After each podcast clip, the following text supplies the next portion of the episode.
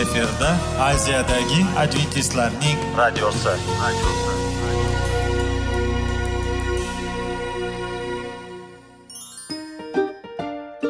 assalomu alaykum radio tinglovchimiz dasturimizga xush kelibsiz va bizni tinglayotganingizga sizdan judayam minnatdormiz bugungi bizning dasturimizning nomi sog'liq daqiqasi deb ataladi va biz sizlarga bu dasturda mevalarning foydasi haqida so'zlab bermoqchimiz ya'ni uning tarkibi uning tarixini va foydali xususiyatlari haqida. Aziz do'stlar mevani iste'mol qilish kerak ekan va biz boshladik ketdik. Sog'liq daqiqasi soliqning kaliti qiziqarli ma'lumotlar faktlar. Har kuni siz uchun foydali maslahatlar. Sog'liq daqiqasi rubrikasi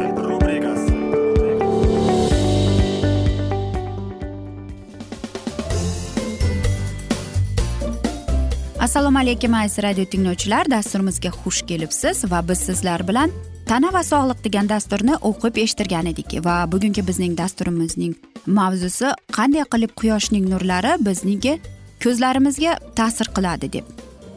Hammamiz bilamizki e, bir ertak yodimizda bu albatta ko'zga ko'rinmas qolpoq haqida. Lekin biz hammamiz bilamiz qanday qilib ko'zimiz ko'rmasa nima bu deb.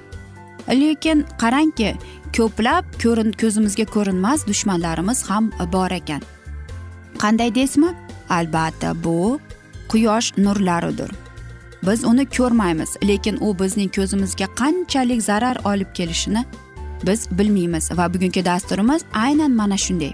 Qanday qilib o'zingizni himoya qilish va yaqinlarimizni va bugungi dasturimizda aynan mana shu haqida suhbat qilamiz. Albatta. Bizning ko'zlarimiz mana shu quyosh va yulduzlarni ko'rish uchun yaratilgan. E, yorug' bizga nima uchun kerak? Biz ko'rishimiz uchun. Albatta hammamiz ham bilamizki bizning ko'zlarimiz nafaqat zarur balkim butun badanimizga ham zarur. Bu quyosh nurlariga muhtojdir. Ammo lekin bunchalik ham quyosh nurlari bizga kerakmi? Ayniqsa bizning ko'zlarimizga axir u bizning ko'zlarimizga zarar olib keladi. Qanday bo'lishi mumkin deysizmi? Qanday qilib bir biriga qarama qarshi ular deb. Qarang bu muammo qayerdan kelib chiqqanini ko'plab yillar davomida ko'p olimlar mana shunday tajribalar o'tkazib kelgan ekan va qarangki aytgan ekanki kichkina mana shunday dozalarda u bizga judayam zarar yetkazib kelar ekan. Qanday qilib u bizga dushman bo'lib qoldi deymiz. Biz bilamizki yer sayyoramiz judayam ko'plab bizdagi bo'lgan bizning hayotimizga bizning yashash uchun uchun mana shunday usullar bor. Lekin kichkina o'zgarishlar bizning va ya'ni insonlarning hayotiga qanday o'zgarishlar olib keladi? Ko'plab odamlar bilmaydiki mana shu quyosh qanchalik bizning ko'zimizga zarar olib kelishini. Qarangki amerikada to'rt milliondan ortiq odamlar mana shu kasalga kelib ketgan ekan ya'ni karsinoma yoki bazalioma degan ekan. Bu nimadan kelib chiqadi? Bu bazalioma o'zi aslida esa e, bilasizmi ba'zi bir insonlar borki ularning terisi judayam judayam yorqin bo'ladi va ular judayam quyoshning nuriga sezgir va ular umuman ko'chaga quyosh bor paytda chiqishmaydi ham. E, yoki aytaylik ularda quyoshga chiqqanda ularning ko'zlarining kasalligi qo'zg'ay boshlaydi. Va qarangki e, bularni yana bir kasalligi bor ekan ptregium degan. Bu bizning ko'zimizda parda bo'ladi ya'ni latta deyiladi ekan. Mana shunda bo'lib keladi. Bu juda qiyin narsa desak bo'ladi ham. Lekin qarangki ko'plab quyoshda turib qolsak bizning ko'zimizdagi qon tomirlari yorila boshlaydi ekan va mana shunday narsalar ko'p e, kasalliklarga olib keladi. Ayniqsa mana shunday kasalliklarga kimning ko'zi yoriq bo'lsa va aytaylik ko'k va yashil bo'lsa va yoshi katta odamlar mana shu kasalga muhtoj e, e duch kelar ekan. Ya'ni e, mana shunda aytmoqchimizki biz nima bo'lib keladi? Ularning ko'z qarashi pasayib keladi. Va ko'zining oldida qandaydir bir ehm, aytaylik raqamlar kelib qoladi. Mana shu birinchi usuli bo'lib qoladi. Lekin eng katta bo'lgan dunyo bo'yicha tarqalgan kasallik bu albatta bilasizmi tovuq ko'rmaslik deyiladi ya'ni kunda kunduzi ko'radi kechasi ko'rmaydi. Shuning uchun ham aytmoqchimanki agar siz o'zingizni ko'zingizni mm, yo'qotgingiz kelmasa ya'ni ko'z qarashni demak siz ko'zoynak taqib yurishingiz kerak. Va eng yuqori va mashhur bo'lgan kasalliklar bu oltmish besh yoshdan bo'lgan ulg'aygan insonlardir. Ular umuman ko'z qarashini yo'qotib ketadi va biz e, sizlarni hayron qoldirmaymizki bularning kasalligi nimadan kelib chiqqani albatta ular ko'p quyoshda o'tirganligi sababli yurganligi uchun. Va eng oxirgi kasallik bu albatta rinitit bo'lanadi. Bu albatta gendan kelib chiqar ekan. U umuman odam ko'r bo'lib ko'rina e, tug'ilar ekan. Va e, bu narsa birinchi u aytaylik tungi ko'rishni yo'qotib keladi va oxir oqibat umuman ko'rmay qoladi. Albatta bu narsalar umuman hech narsa siz bilmaysiz ham shunday kasallik borligini lekin bora bora mana shunday bo'lsa siz e, keyin ko'rcha e, ko'r bo'lib qolar ekansiz. Hozirgi zamonda mana shunday kasalga umuman dori darmon yo'q ham. Va uni qanday qilib e, davolashni hozirgi olimlar ham bilmaydi. Shuning uchun ham sizlarga aytmoqchimizki ko'z oynak taqishni unutmang deb. Va aytamiz e, ko'plab mana shunday qo'rqinchli kasalliklarni biz sizlarga aytib sizlarni qo'rqitmoqchi emasmiz. Biz shunchaki sizning e'tiboringizni mana shu muammoga qaratmoqchi bo'ldik xolos. Axir mana shunday ko'z e, quyoshning nurlari ko'zga qanchalik zarar olib kelishini biz sizlarga aytib chiqdik.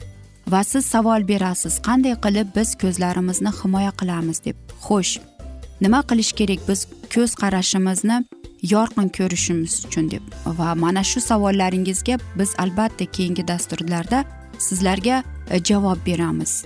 Hozir esa sizlar o'zingizni va ko'zlaringizni ehtiyot qiling deb qolamiz. Aziz do'stlar mana shu asnoda afsuski biz bugungi dasturimizni yakunlab qolamiz. Chunki bizning dasturimizga vaqt birozgina chetlatilgani sababli. Lekin sizlarda savollar tug'ilgan bo'lsa biz sizlarni salomat klub internet saytimizga taklif qilib qolamiz. Va albatta biz umid qilamiz siz bizni tark etmaysiz deb chunki oldinda bundanda qiziq va foydali dasturlar kutib kelmoqdalar. Va albatta sizlarga va oilangizga tinchlik totuvlik tilab yuzingizdan tabassum hech ham ayrimasin deb sog' bo'ling deb xayrlashib qolamiz.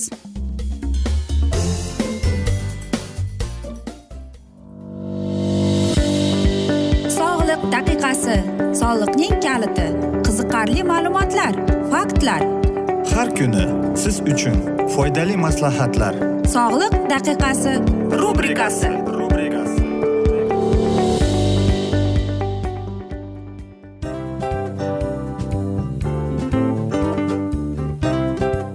mana ha hayotda hamma narsaning yaxshi narsalar tugaydi va yakunlaydi degandek bizning dasturimizga ham yakun keldi.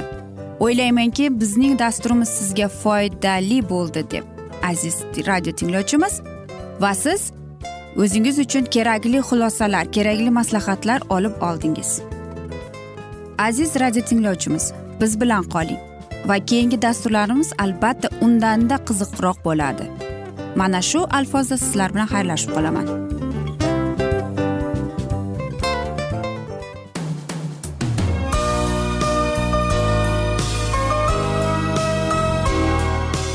Efirda aziyadagi adventistlarning radiosi.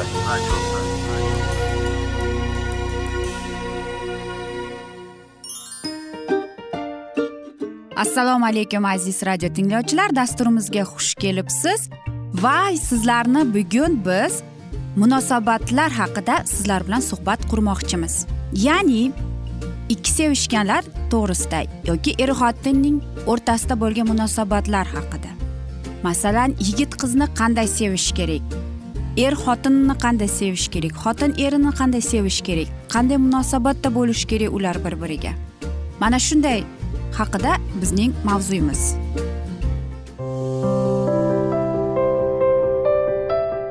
Har kuni har xil kasbdagi odamlar bilan sirlashish va bo'lishish. Sevgi rashq munosabat bularni hammasi dil izhori rubrikasida.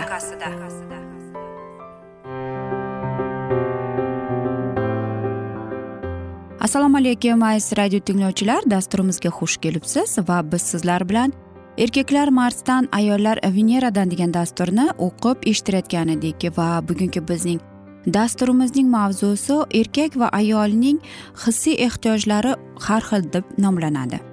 Albatta sevgida umuman olib qaraganda chiroyli va g'amli mana shunday munosabatlar bo'lmasligi uchun judayam katta mehnat kerak talab qiladi. Va albatta ba'zida esa dam olib turish kerak. Axir har doim ham faqatgina mehnat qilish mumkin emas. Vaqti vaqti bilan dam olib turish kerak. Albatta unisi ham bunisi ham judayam muhimdir. Ammo lekin ayollar ko'proq tushunadiki yaxshi munosabatlar bo'lishi uchun katta mehnatni talab qilishlarini. Erkaklar esa aksincha ular o'ylaydiki biz mehnat qilsak faqatgina ishda mehnat qilishimiz kerak degan tushunchasi bor. Shuning uchun ham mm, biz ishga ketayotganimizda biz ularni albatta ish vazifamizni bajaramiz. Uyga qaytib kelganimizda esa biz uchun dam olish vaqti keladi. Va albatta erkaklar bularning eng katta ustafarangi dam olishga kelganda. Ko'plab yillar davomida erkaklar ovga chiqishardi va u ovda erkaklar sabr bilan kutishardi va albatta keyinchalik Э, o'zining oljasini ko'rganda u ovga chiqib o'shani o'ldirib va uyga olib kelardi o'zining ovini.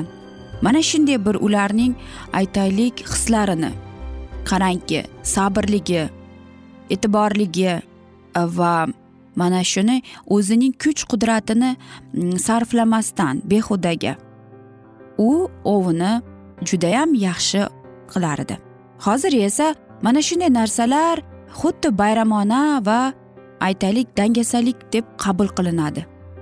Hozirgi ayollar tushunmaydiki erkak kishi mana shunday asnoda dam olgisi keladi deb og'ir ish kunidan keyin.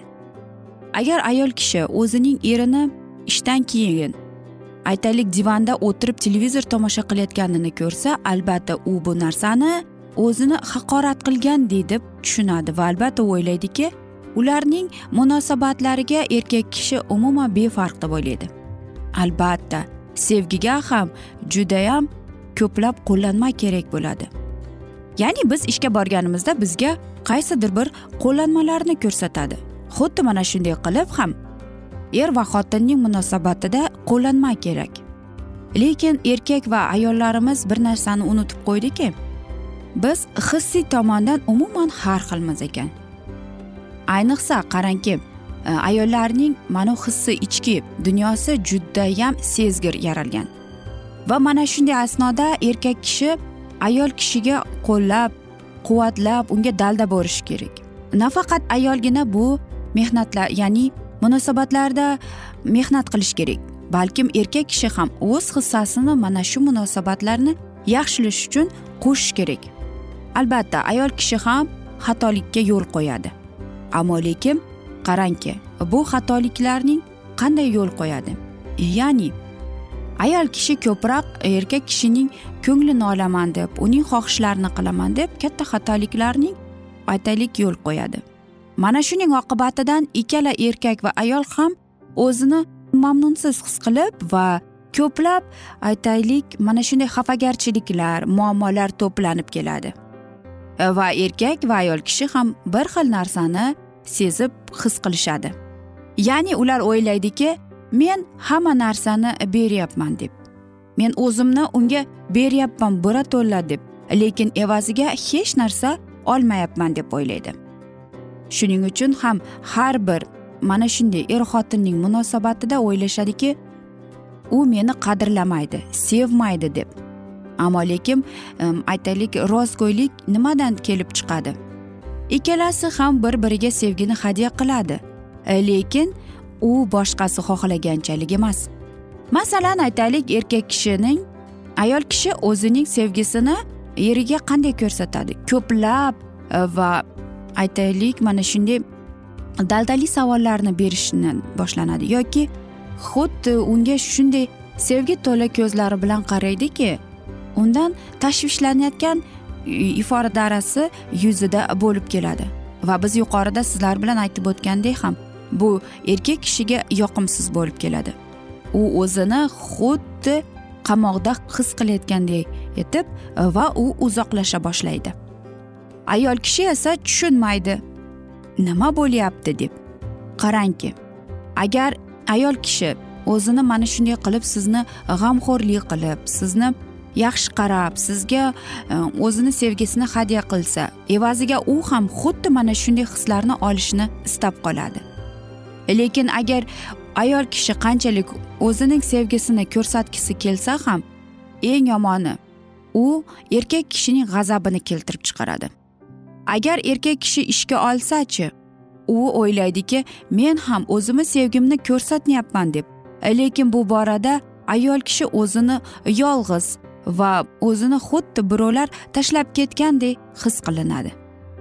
Aytaylik masalan ayol kishi e, g'amgin va uning e, erining tomonidan sevgi va dalda bo'lishning o'rniga u ko'plab narsalarni e, noto'g'ri qilib qo'yadi.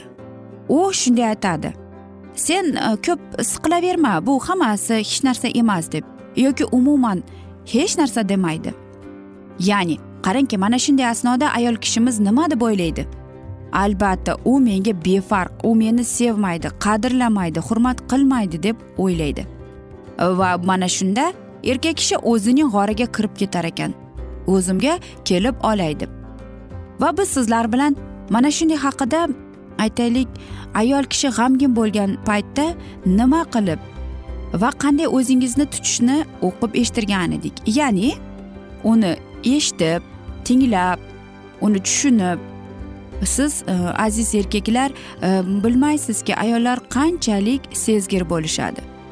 Shuning uchun aziz erkaklarimiz ham birozgina e'tiborli birozgina g'amxo'rli bo'lib kuchli bo'lib ko'rinsa o'zining ayolini tushunsa qanchalik ayolini baxtiyor qilishini u hattoki xayoliga ham keltirmaydi va uning natijasini qanchalik kuchli bo'lishini erkak kishi bilmaydi ham. Aziz radio tinglovchilar mana shunday go'zal va chiroyli asnoda afsuski biz bugungi dasturimizni yakunlab qolamiz. Chunki bizning dasturimizga vaqt birozgina chetlatilgani sababli. Ammo lekin keyingi dasturlarda albatta mana shu mavzuni yana o'qib eshittiramiz. Va biz umid qilamizki sizlar bizni tark etmaysiz deb chunki oldinda bundanda qiziq va foydali dasturlar kutib kelmoqda. Va albatta sizlarga va oilangizga tinchlik totuvlik sog'lik salomatlik tilab. Yuzingizdan tabassum hech ham ayrimasin deb seving seviling deb xayrlashib qolamiz.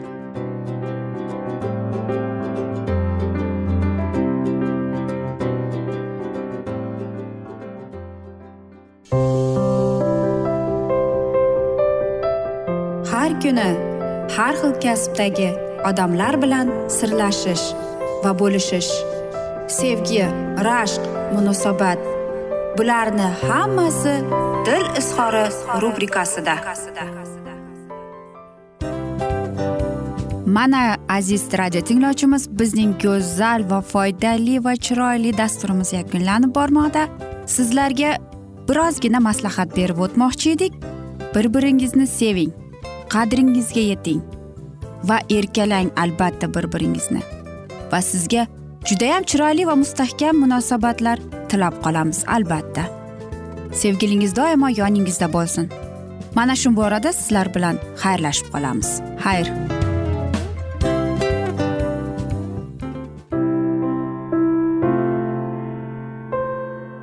Hayotning noni. Qiziqtirgan savollar va javoblar. Buning hammasi ko'ngil uchun oziqa rubrikasida.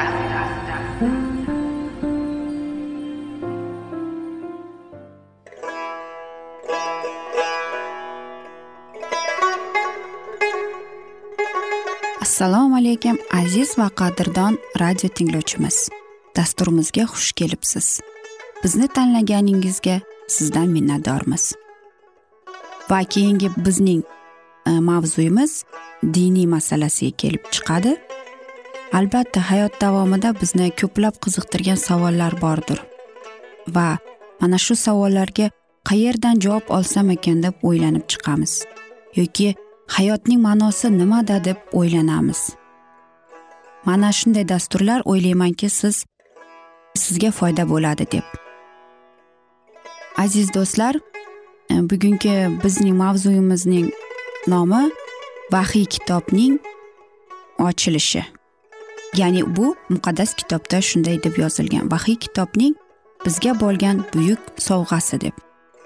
Albatta mana shunday kitobni eshitib quloq solib e'tiborli bo'lsak biz o'zimizning qiziqtirgan hayotning ma'nosini tushuntirgan bizni kelajakda nima kutayotganini mana shu kitobdan bilib olamiz albatta. Va xudoyim bizga qanday rejalar ochgan bizga qanday kelajak kutayotganini aynan mana shu kitobda yozilgan va bizga mana shu kitob orqali xudoyim bizga aytib bergan. Keling aziz do'stlar mana shu kitobni e'tiborli va yaxshilab quloq solib va chuqurroq nazar solaylik shu muqaddas kitobga. Assalomu alaykum aziz radio tinglovchilar dasturimizga xush kelibsiz. Va biz sizlar bilan ulug' kurash degan kitobni o'qib eshittirayotgan edik va bugungi bizning dasturimizning mavzusi britaniya orollarida xabarning tarqalishi deb nomlanadi. Va biz sizlar bilan o'tgan galgi dasturimizning mavzusini bugun yana davom ettiramiz. Ular xalq oldiga o'lmas maqsadni rimning kishanlarini parchalashni qo'ydi. Fe'l atrofiga va kelib chiqishiga ko'ra aslzoda bo'lgan gamilton va uisxart boshqa oddiy shogirdlari bilan azobli o'lim topdi. Gulxanda yonayotgan uisxart munosib shogird qoldirdi. Gulxan bu shogirdni jim turishga majbur qilishga ojiz edi. Shotlandiyadagi papa hokimiyatiga xudoning madadi bilan qaqshatgich zarba berish bu shogirdga nasib qilgan ekan. Jon noks xudoning kalomi haqiqati bilan oziqlanish uchun jamoatning an'analaridan va tushkunlikdan voz kechdi. Uixartning ta'limoti rim bilan hamma aloqalarni uzish va ta'qib qilayotgan islohotchilar bilan birlashish maqsadini yanada mustahkamladi. Do'stlari uni voizlikni o'z zimmangga ol deb ishontirishga urindilar ammo uisxart nihoyatda katta bu mas'uliyatdan bosh tortdi. Ammo bir necha kun xilvatda ibodat qilgandan va azobli ichki kurashlardan keyin baribir rozi bo'ldi. O'ziga bu mas'uliyatni olib bukilmas qat'iyat va matonat bilan hayotning oxirigacha mehnat qildi. Bu e'tiqodli islohotchi qo'rquvni bilmas edi lovullab yonib jafokashlarni yamlay olayotgan gulxanlar yangi faqat sabot bag'ishlardi. Hatto zolimlarning unga uqtilgan qilichi ham qarashlari o'zgartirishga majbur qilmadi. U jasorat bilan butparastlikka qaqshatqich zarba berdi. Shotlandiya qirolichasining qarshisida ko'plab protestantlar o'zlarini yo'qotib qo'ygan holda jon noks qo'rqmasdan haqiqatdan to'g'risida guvohlik berdi. Uni xushomad bilan ham tahdidlar bilan ham sindirish mumkin emas edi. Qirolicha uni bidatchilikda aybladi. Qirolicha jonga sen davlat taqiqlangan diniy e'tiqodni qabul qilish uchun xalqni da'vat qilyapsan. Bu bilan dunyoviy hokimiyatga itoat etishga amr beradigan xudoning qonunini buzyapsan deb aytdi. Noqs qirolichaga qat'iy ravishda shunday dedi. Chinakam din dunyoviy hokimiyatidan kuch olmaydi balki abadiy tanho xudodan kuch oladi. Iymon ishida fuqarolar o'z e'tiqodlarini knyazlarning didiga qarab itoat ettirishga majbur emas. Ko'pincha shunday bo'ladiki haqiqiy iymon masalalarida knyazlar eng bilimsiz odamlar bo'lib chiqadi. Malikam so'rashga ijozat bering. Ibrohimning urug'i firavning dini qabul qilganda edi. Uzoq vaqt davomida ular fir'avning fuqarosi bo'lgan edilarku. Qanday qilib xudolariga olam itoat etgan bo'lardi? Havoriylar davrida rim hukmdorlarining dinini qabul qilganda yer yuzida hozirgi paytda qaysi din hukmronlik qilgan bo'lardi? Xullas malikam o'zingiz ko'rib turibsizlar. Fuqarolar o'z hukmdorlarining diniga e'tiqod qilishlari shart emas. Garchi hukmdorga itoat etishga majbur bo'lsalar ham. Bu gapga mariya shunday javob berdi. Siz muqaddas bitikni bitta yo'l bilan rim katolik muallimlarning esa boshqa yo'l bilan izohlayapsiz. Men kimga ishonishim kerak?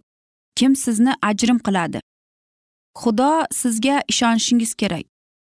O'z kalomida hammasini ochiq va tushunarli qilib aytgan deb javob berdi islohotchi. Kalom o'rnatgan narsaga ishonish kerak. Turli odamlar sizga talqin qilgan narsalar emas. Xudoning kalomi o'z o'zidan tushunarli birorta tushunarsiz joyi uchrasa hech qachon. O'ziga o'zi zid bormaydigan muqaddas ruhi. Uni boshqa matnlar vositasida anglashga yordam beradi. Shunday qilib o'z donoligi bilan qaysarlik qilishda davom etganlarga hech qanday shubha qolmaydi. Shu tariqa islohotchi qirolicha janobi oliylari huzurida hayotini xavf ostiga qo'yib haqiqat to'g'risida qo'rqmasdan gapirardi. Shotlandiya papa hukmronligidan ozod bo'lmaguncha u xudoning ishi uchun ibodat qilib kurashib ana shunday mardlik bilan o'z oldiga qo'ygan maqsad sari olg'a bordi. Angliya protestantizmni milliy din sifatida qonunlashtirish garchi quvg'inlar tamomila barham topmagan bo'lsa ham ma'lum darajada taqiblar g'azabi bosildi. Ko'p aqidalar bekor qilindi ammo katolik urf odatlarning tashqi tomondan zohir bo'lishi anchagina saqlanib qoldi. Papaning oliy hokimiyati endi tan olinmaydigan bo'ldi. Uning o'rnini jamoatda monarx egalladi. Xudoga xizmat paytida injil pokligi va oddiyligidan yuz o'girishlar bo'ldi. Diniy erkinlikning buyuk tamomiy kerakli darajada qabul qilinmadi. Protestant yo'lborchilari e, rim xurofotlariga qarshi kurashda qilganday kamdan kam holatlarda insoniyatga xos bo'lmagan shafqatsizliklarga yo'l qo'ygan bo'lsalar ham har bir odamning xudoga xizmat qilish huquqi vijdon amriga ko'ra tan olinmasdan qolaverdi. Hamma rasmiy jamoatning ta'limotini tan olishga e, va u ko'rsatgan urf odatlarni bajarishga majbur edi. Boshqa fikrdagi odamlar esa asrlar davomida u yoki bu darajada quvg'inlarga duchor bo'ldilar. O'n oltinchi asrda minglab qavm boshchilar xizmatdan chetlatildilar. O'rnatilgan rasmiy jamoatdan tashqari har qanday diniy yig'inlarga tashrif buyurish oqibati katta jarima qamoq yoki quvg'in bilan jazolanishga olib kelardi xudoga chin dildan berilgan imonlilar birga ibodat qilish uchun qorong'i xiyobonlarda boloxonlarda yig'ilishga majbur edilar. Havo issiq paytlarda esa ularning boshpanasi o'rmon bo'lardi. O'rmonning o'tib bo'lmas chakalakzorlarda xudoning qo'li bilan tiklangan bu ma'bada xudoning taqib ostida olingan va sochilib ketgan bolalar minnatdorchilik oqibat ibodati orqali ko'ngillaridagi to'kib solish uchun yig'ildilar. Aziz do'stlar afsuski mana shu alfozda biz bugungi dasturimizni yakunlab qolamiz. Lekin sizlarda savollar tug'ilgan bo'lsa biz sizlarni alkitab media internet saytimizga taklif qilib qolamiz.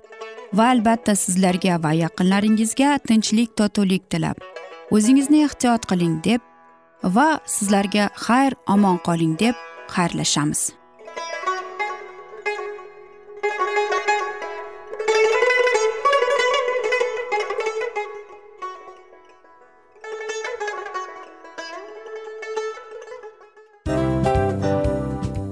Afsus afsus.